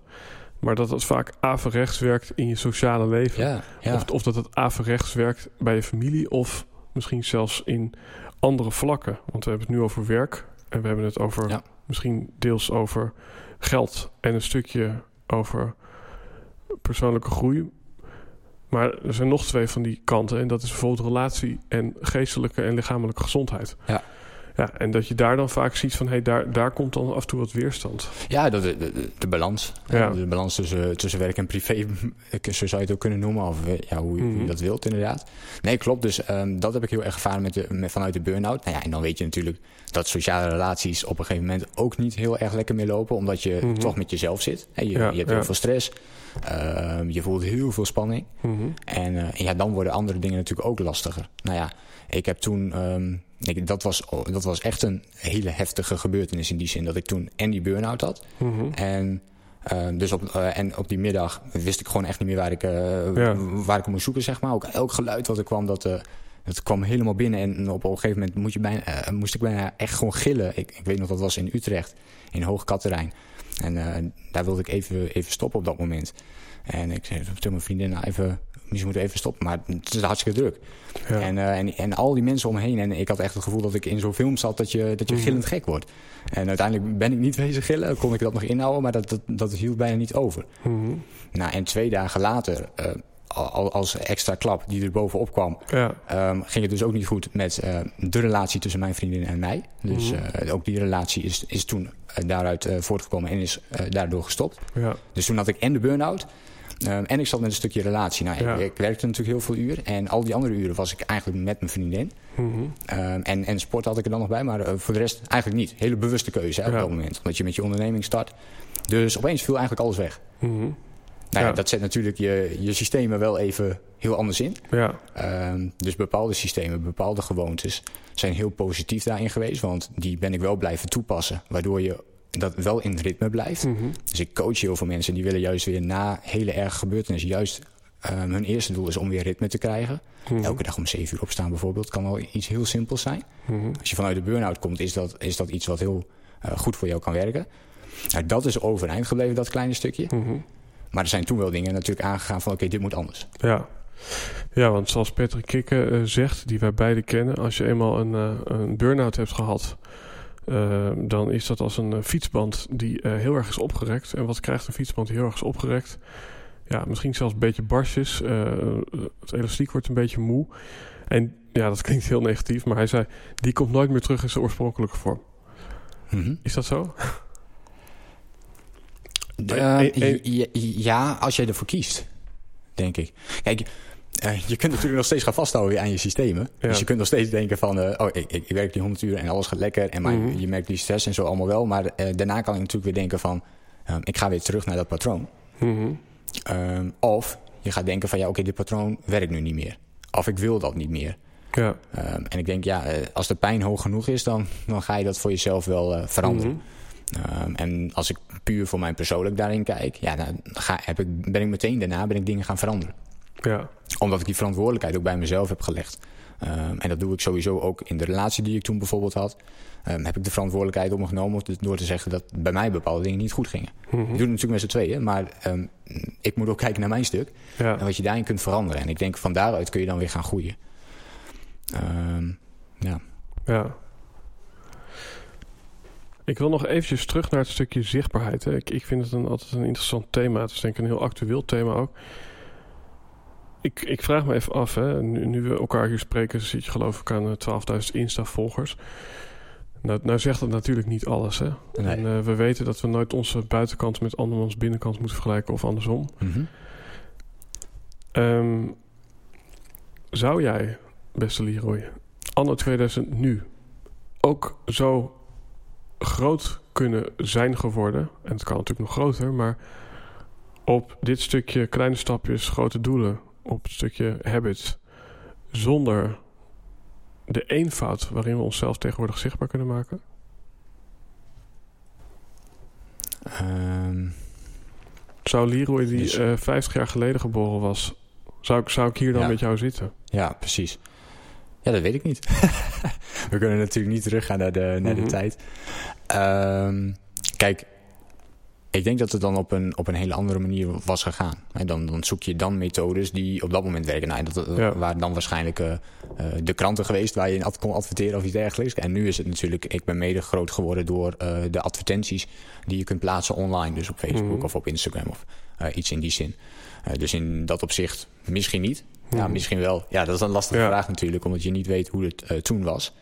Eh, wat ik wel weet is dat er nu ongelooflijk veel, ja, nog veel meer mogelijkheden zijn dan in het verleden om Mhm. online iets te gaan doen. Dus ja, je, je, bent, je kunt nu Ja. een bedrijf zo in een paar tikken, kun je een website online hebben en kun je je eerste geld gaan verdienen bijvoorbeeld. ja. Eh, of locatie onafhankelijk kunnen werken of alles online kunnen doen, waardoor je het op een laptop doet en dus ook nog overal ter wereld kunt rondreizen. Mhm. Eh, ja, die mogelijkheden die zijn er nu allemaal wel natuurlijk om dat veel meer op die Ja. manier te kunnen doen. Maar ook de onmogelijkheden. Want eh, laten we eerlijk zijn. Ja, zichtbaar zijn op Facebook. dat was eerst ik heb echt nog een moment meegemaakt dat je een euro in Facebook stopte. Dat was mijn eerste advertentie. En daarmee bereikte ik 15.000 mensen. Met 1 euro. Ja, En dan heb dat ik nog, nu niet meer. en dan heb, heb ik het nog niet eens over de likes. Maar dat, dat waren er heel veel. Uiteindelijk is die blog 100.000 keer gelezen. En ik denk dat ik onder een tientje zat. Dus er zat misschien ook een viraal effect in, hè? Dus, dus dat heeft waarschijnlijk iets te maken met zichtbaarheid. Maar misschien ook wel dat mensen minder makkelijk op like klikken op Facebook. Misschien zitten ze ook minder op Facebook. Maar ja, dat gaat misschien heel erg over dit platform nu. Maar hè, van de ene kant is het dus makkelijker, waar we het net ook even over hadden, om zichtbaarder te worden. En tegelijkertijd is het ook weer moeilijker, omdat het voor zoveel mensen zo makkelijk is. Ja, ja, ja, ja, ja, klopt. Ja, het wordt natuurlijk... En het wordt steeds makkelijker. Ik dacht wel eens dat je een andere stapje wilde maken. Want je hebt natuurlijk het internet wat je positief kunt inzetten. Maar het kan je natuurlijk ook enorm afleiden. ja. En wat, betreft, eh, wat betreft social media. eh, Ja. Hoeveel uren ja, zitten we Mhm. per dag eh, op, op schermtijd. Mhm. eh, als je daar wel eens op kijkt. Eh, maar dus dat kan je ook heel erg tegenhouden. ja om, om daar dan toch even meteen in te duiken. Dan horen wij nu steeds vaker... Ik heb misschien een beetje gekke brainwaves af en toe... eh, my bad. Maar, we horen steeds vaker van... Nou ja, we moeten eens kijken hoeveel schermtijd we hebben. We moeten daar proberen op te minderen. Eh, maar dat is allemaal vanuit de aanname of vanuit het concept dat het dus iets is wat niet goed is. En dat dit waar wij hier nu zitten de echte wereld is. En dat dat daar in dat apparaatje, dat dat een soort van surreële wereld is. Ja. Maar dat is misschien eventjes heel erg omdenken. Hè? Maar als technologie nog intelligenter wordt, dan gaan we misschien met, met een bril op of met een lens in ons oog, gaan we nog veel meer tijd doorbrengen in die wereld. Tot ik iemand letterlijk hoorde zeggen: Dit waar wij nu zitten is misschien wel de surrealiteit.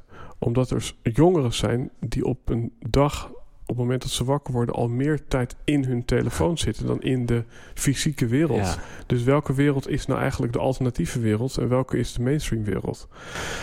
En toen dacht ik, hé, hey, dat is wel heel interessant. Want ehm, ten eerste kan je dan afvragen van... hé, hey, waarom is het zo erg dat we in die wereld zitten? En de tweede vraag is... zometeen hebben we dat dan opgelost... omdat we zeggen, nou, we hebben minder schermtijd met z'n allen. Maar dan zijn we ook nog niet probleemloos. Want laten we eerlijk zijn... in de jaren tachtig lagen er ook heel veel boeken in de winkel... over persoonlijke ontwikkeling van Brian Tracy... Ja. En die gingen ook over zelfdiscipline. Die gingen ook over setting goals. Eh, en die gingen ook over dat de mens van nature lui was. En eh, net zoals een aap eigenlijk eh, alleen in actie kwam als hij eten of seks nodig had, zeg maar. Ja. Ja, en... Dus, dus, dus ik vraag me gewoon even af, wat denk jij? Lossen we überhaupt een probleem op door, door minder op ons mobiel te zitten? Is dat wel een probleem? Ja, nee, vind je het zelf een probleem? Bij jou? Mhm. En, en, en ik denk dat Ja. dat een interessante vraag is voor iedereen om voor jezelf te beantwoorden. Vind jij het zelf een probleem? En ehm, als ik in, in de kringen met mensen praat, dan mm, ja, denk ik dat 9 op de 10 toch echt wel zegt van... eh, eh, nou, ik zou er eigenlijk wel wat minder op willen zitten, maar toch Ja. doen we het niet. Ja, En dat is natuurlijk wel een interessant stukje. Van ja, hoe kan het dan dat we... eh, we willen het eigenlijk niet, ja, maar toch doen we het. Nou, en dat is een mooie om, eh, om bij stil te staan. Van ja, Ja. wat is dan toch de reden dat jij dan toch iedere keer naartoe gaat? En dat vind ik ook een mooie, want je zegt om bij stil te staan. Maar juist door deze technologie staan we niet meer zo vaak stil. En ja, ik denk dat het op een gegeven moment zit je in een soort van één grote hypnose of in een soort van matrix-achtig netwerk, om het maar even eh, een beetje zo te schetsen. Ja, waardoor het ook steeds moeilijker wordt misschien wel om bij jezelf in te checken van hé, hey, wat voel ik, wat past er bij mij, waar, waar heb ik nu behoefte aan? Zijn er zelfs rituelen waardoor jij in contact komt, ik noem het maar even, met je eigen kern die je toepast? Ja. Je wilt nog meer systemen van mij horen. Nou ja, ik, ik hoor nu eigenlijk vooral hoe, hoe je doelen of dingen behaalt. ja. Maar ik heb het nog niet echt gehad over welke dingen doe jij. Nee, precies. Ja, ehm, als, als ik puur kijk naar inderdaad dingen eh, van mezelf. Kijk, voor iedereen is het weer anders. Hè? Wat heel goed werkt en wat niet zo goed werkt. Eh, Dus de Mhm. een die heeft misschien baat bij mediteren. En de ander die denkt van nou, eh, ga maar weg met het mediteren. Ja, voor mij werkt het heel goed om een ochtendritueel te hebben. Dus dat is iets wat ik echt voor mezelf heb ontwikkeld. Waar ik heel veel aan heb. Dus elke ochtend sta ik om zes uur op. Mhm. Um, en van zes tot zeven heb ik een routine die voor mij heel goed werkt om goed en energiek aan de dag te beginnen. Ja. Uh, dat heb ik nooit gehad trouwens. Ik ben ook altijd de avondmens geweest. En dan ging ik om 12 uur, 1 uur s'nachts echt naar bed. Uh, de laatste uurtjes alleen nog maar zappen op, uh, op televisie mm -hmm. en, en dergelijke. Nou, dat patroon uiteindelijk dan doorbroken en het echt omgegooid. Ja. Want ik wilde s ochtends niet meer zo gehaast opstaan en meteen ja. naar, naar, mijn studie moeten gaan en helemaal bezweet aankomen. Nou, daar was ik op een gegeven moment helemaal klaar mee. dus heb ik echt de tijd daarvoor genomen. Ja, wat, waar staat dan ook dat omslagpunt? Sorry dat ik onderbreek hoor, maar... Ja. Maar je geeft dus aan dat je vroeger wel zeppend achter de tv zat. Ja. Waar is dat omgeslagen? Nou, dat is... Of was het geen omslag? Ging dat heel geleidelijk? Dat kan ook. Nee, nee dat was wel een, een omslagpunt. En dat heeft vooral te maken met uh, vanuit mijn studie. Um, toen, toen deed ik dat altijd nog. Uh, maar op een gegeven moment maakte ik de ommezwaai van, uh, van studie. Ik kon er niet heel veel... Uh, ik vond daar ook mijn rust niet in. Dus dat is wel geinig -hmm. dat jij dan net zegt van... ja, we vinden nu vaak niet die rust. En dan is het heel moeilijk om ook iets aan jezelf te gaan veranderen. Dus ook een gewoonte is heel moeilijk om dan aan te gaan passen. Want je hebt die rust niet in je hoofd. Mm -hmm. Omdat je dit doet, dit doet, dit. Ik had toen, ik had toen een vriendin. ik studeerde. Ik, ik stapte elke week. Mhm. -hmm. weet je, ik, ik deed al...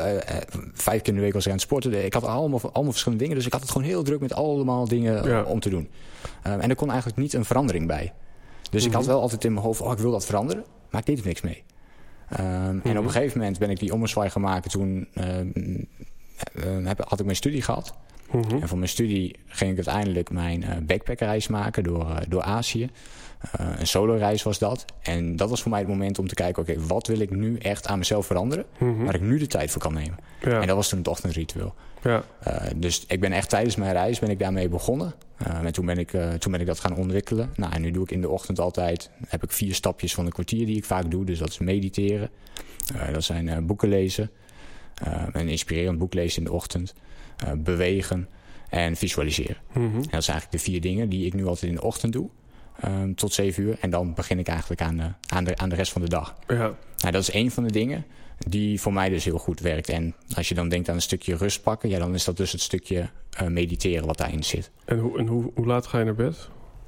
Uh, ja, dat heb ik natuurlijk ook veranderd. Mhm. Dus maximaal, nou, eigenlijk is het maximaal 11 uur. Ja. Uh, en dat ligt natuurlijk eventjes aan, want uh, die vraag wordt ook vaak daarna gesteld. Maar wat nu als je een feestje hebt? Ja. Nou ja, dan schuif, en dan schuif ik het natuurlijk op. Hè, dus dan maak ik dat anders. Ik weet dat ik aan 6 uur zeg maar genoeg heb. Dus als ik om uh, twee uur of drie uur... Uh, stel, uh, ik heb een feestje tot drie uur... dan stap ik er de volgende dag ongeveer rond negen uur uit. Omdat ik ook weet dat als ik langer in Ja. bed- blijf liggen... dan ben ik helemaal niks meer waard. Ja. Dus dan slaap ik iets minder en doe ik het ochtendritueel gewoon iets later. ja, want ik heb ook wel eens gehoord, en dat vond ik wel een mooie nuance... van een ochtendritueel is eigenlijk een avondritueel. Ja. Want, want daar, daar, Dat kan heel goed. daar eh, be- bepaal je, eh, conditioneer jezelf om het... Ja, om, om inderdaad om zes uur eruit te kunnen gaan of niet. Nou, het is sterker nog, het is heel grappig als ik mensen daarin coach. Die, uh, die komen allemaal eigenlijk met de vraag van... Ah, ik wil vroeger opstaan of ik wil stoppen met snoes. Ik wil een Ja. ochtendritueel ontwikkelen. Ja, En ik zeg van oké, ga het maar doen. En dan uh, gaan ze daar maand mee aan de slag. En dan komen ze daarna altijd terug met... Ja, ja, maar ik moet nu eigenlijk mijn avond gaan aanpassen. ja. En daar begint het heel vaak wel. Ja, En dan zegt Einstein, de oplossing ligt altijd ergens anders dan het probleem. ja, Eentje die ik ook vaak aanhaal, hè, want het is bijna altijd waar. Dat is echt bizar. Dus ook hier. ja, ja, ja, absoluut. Ja, Ehm, ja, wat ik... Ja, geloof toch niet, we zijn alweer echt al een behoorlijk eindje met elkaar onderweg in dit gesprek. Een stuk waar we het nog niet over gehad hebben. We, we hebben het nu net over... Ja, het stukje habits en discipline en over zelfontwikkeling. maar je bent natuurlijk ook ondernemer. En nou, dan zijn er, als je het eventjes plat drukt, twee typen ondernemers. Er zijn ondernemers die in hun business werken en dienstverlenend zijn. En je hebt mensen die eh, misschien iets meer aan hun business Ja. werken en meer faciliterend zijn. Op dit moment heb ik bewust gekozen om vooral de focus te leggen voor mezelf dit jaar, naast bijvoorbeeld deze podcast, om als propositiecoach mensen te ondersteunen bij een kraakhelder verhaal, een model en een businessplan. En dat doe ik face-to-face, omdat ik merk, ik kan jou dan in één keer teruggeven van wat ik bij jou zie. En dan merk ik, nou, dat is echt een op maat gemaakt eh, eh, ja, eh, concept of resultaat. En dat sluit aan bij wat iemand laatst zei, Esther Megens, misschien ken je haar. Zij was naar een seminar geweest in Londen over de toekomst van ondernemerschap. En we komen nu net uit een tijd waarin iedereen een online opleiding ging bouwen. En waarin eigenlijk de hele offline naar online ging. Ja. Daarvoor zaten we eigenlijk in alles was offline. Dus eh, mensen waren bijvoorbeeld grafisch ontwerper of webdesigner of nou ja, goed. En nu is eigenlijk eh, er weer meer behoefte wordt er geschetst naar persoonlijk contact en advies op maat. En niet het gevoel hebben dat je ergens in een online omgeving zit en dat het een soort one size fits all is. En dus zegt zij, wat ik daar geleerd heb, is onlife. Een combinatie van online en offline. Je werkt eigenlijk offline door iemand te adviseren, door op maat één op één echt mensenwerk te doen. Ja. Omdat eigenlijk door alles wat we schetsen over het individualisme en, en, en sociaal mediagebruik, is eigenlijk de rol van de coach of, of, of de ondernemer ook om het persoonlijk contact een beetje te boosten omdat, omdat het eigenlijk niet meer vanzelfsprekend is dat we heel veel sociaal contact hebben. Dus los van wat je doet, heb ik dan gehoord van iemand: ja, je wordt eigenlijk alleen al voor- een deel betaald door gewoon met mensen te zijn en aandacht voor iemand te hebben en oprecht naar iemand te luisteren. Nou, de vraag die ik hierbij aan jou wil stellen is: ja, eh, hoe, eh, hoe moet een, een ondernemer die misschien net gaat starten, eh, waar moet hij zijn aandacht op richten als het aan jou ligt? Moet hij gaan werken aan een één op één business coaching eh, concept? Of moet hij gaan werken zoals jij als, aan het bouwen van een community waar mensen lid voor, van kunnen worden, waar ze een vast bedrag per maand betalen? Wat, wat, wat is zeg maar het, het businessmodel anno 2019? Dat is natuurlijk heel generiek wat ik nu zeg hoor, maar Ja, ja eh, ehm, ook hier geldt natuurlijk voor... Het is echt, wat wil je als ondernemer zelf? Ehm, kijk, beide werken ze weer. eh, maar waar ga je je focus op leggen? Ik denk dat het eh, slim is om te kiezen voor weer 100% of voor die community bijvoorbeeld. mhm. Of bijvoorbeeld voor die één op één coaching. Of voor dat programma. Dat eerst heel goed te maken. En dan misschien dingen erbij te gaan doen. ja, dus dus, waar ga je op aan? Nou, jij zegt Ja. al van, bij jou is dat bijvoorbeeld uit die offline gesprekken. Die heb ik nodig.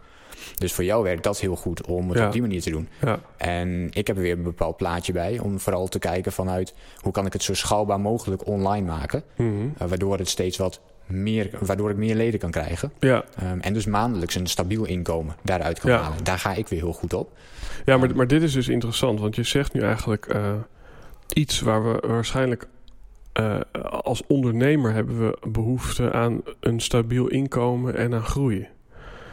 Maar stel ik ben een cliënt, dan heb ik misschien behoefte aan één op één eh, face-to-face contact. En dan komen eigenlijk beide concepten, één vanuit de klant, ander vanuit de ondernemer, komen eigenlijk eh, als zeer belangrijk uit, uit de bus. Ja, snap je? Dus, Ja, en dat vind ik dus interessant. Van, Tuurlijk, maar ehm, als je natuurlijk kiest voor een bepaald verdienmodel, dan zul je natuurlijk ook andere klanten aantrekken.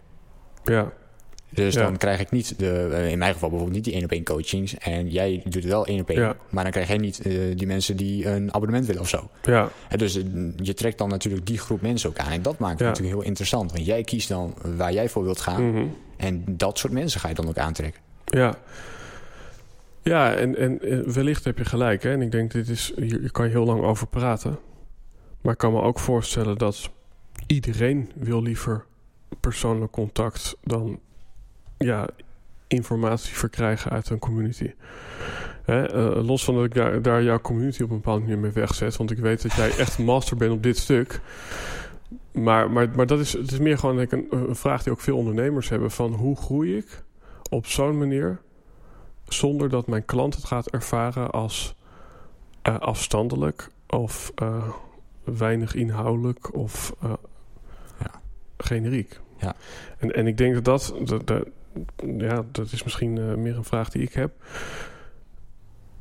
Maar ik, ik denk van, eh, ja, misschien is dat ook gewoon een ontwikkeling die we, die we moeten afwachten eh, in, in onder- ondernemersland. Van hoe, hoe die twee werelden eigenlijk nog meer over, over elkaar heen gelegd kunnen worden. Ja, nee, dat, dat is denk ik een hele interessante vraag. Ja, Eh, om te kijken van ja, hoe kun je die combinatie kijken. Want eh, wij hebben nu dan de community. Uh. Overigens komen die mensen in de community omdat ze mijn gezicht of iets dergelijks hebben gezien. Dus het- Ja. ik maak het op die manier persoonlijk. Mhm. Maar nu, wat ik dus daarna ben gaan doen, nu dit, de community rolt goed. Er zijn veel leden, Mhm.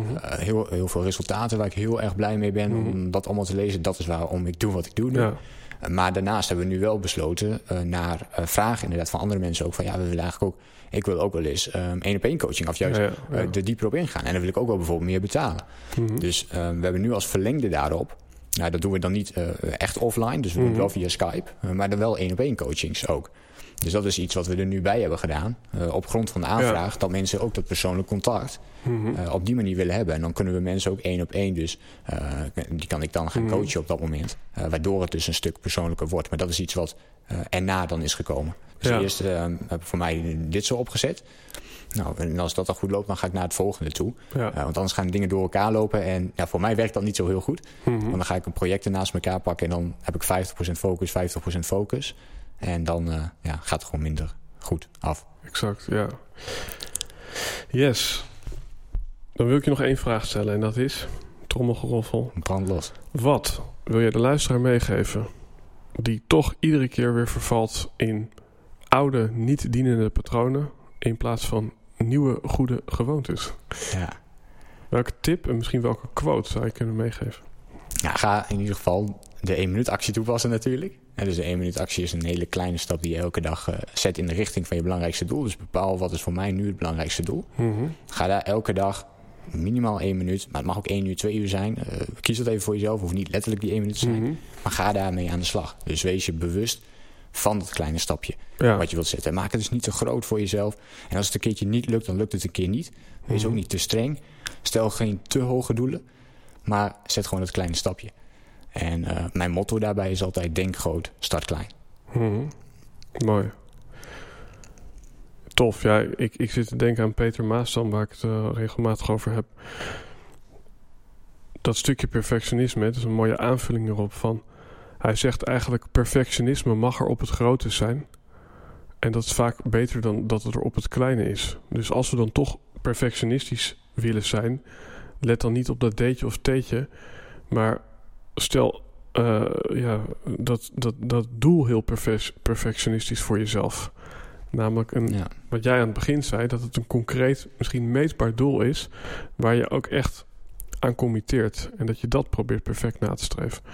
En hoe je daar dan komt. En dat is de ene keer een artikeltje met een deetje en teetje fout. En de andere keer uh, is het uh, wat inhoudelijker en wat beter.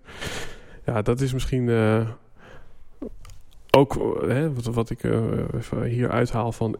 Ik heb denk ik jarenlang op, op microniveau een beetje te veel perfectie laten zien.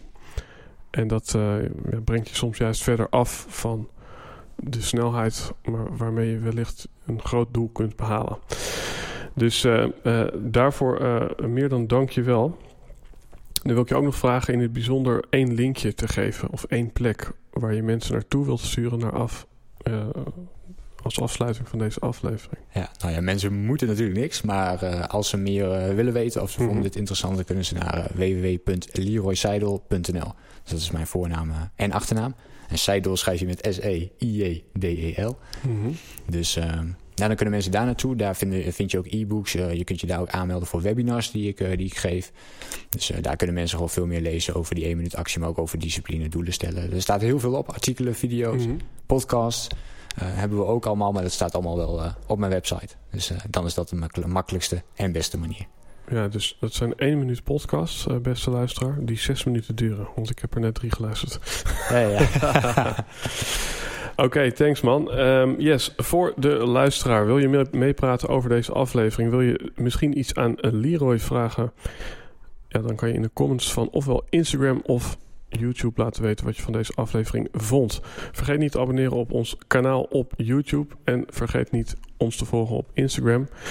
Um, want uh, naast dat je deze aflevering misschien als audio hebt geluisterd, kun je hem dus ook kijken als video. En misschien heb je gekeken als video. En dan kan je hem dus ook nog luisteren als audio of doorsturen naar de mensen die je kent. Yes, dankjewel beste Leroy voor deze mooie uitgebreide aflevering. En voor de luisteraar tot de volgende. Bedankt voor deze uitnodiging. Yes, graag gedaan man. If you can't explain it simply, you don't understand it well enough.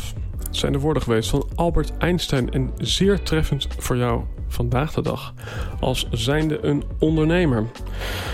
Het is belangrijk om kort en bondig te communiceren wat je hier komt doen. Want als jij jezelf niet begrijpt, dan word je ook niet begrepen door de mensen waar je ervoor bent. En last but not least is het ook nog belangrijk om het op zo'n manier te positioneren dat het ook weer anders is dan al die anderen die op papier hetzelfde doen als jij. Want hoeveel coaches stellen we inmiddels? Hoeveel fotografen en hoeveel marketeers? Nou, als propositiepolitie help ik jou kraakhelder te krijgen welk probleem je oplost. De P van probleem. Ik help jou je zo te positioneren dat je op een plek staat waar je vrij staat van alle anderen. En daaruit rolt een hele mooie propositie. Een inspirerend geluid naar buiten, waardoor de juiste mensen bij jou aan tafel komen. Nou, ik weet dat het oog zichzelf niet kan zien en ik weet dat het scherpste mes zichzelf niet kan slijpen. Zelfs ik heb hulp nodig bij het maken van mijn propositie. En daarom weet ik dat ik belangrijk werk doe als ik jou kan helpen met jouw propositie, met de juiste woorden vinden op basis van wat je hier in essentie komt doen. Dus, mocht dit je inspireren, dan weet je mij te vinden. En anders, dan check ik jou weer bij de volgende Helden en Hordes podcast.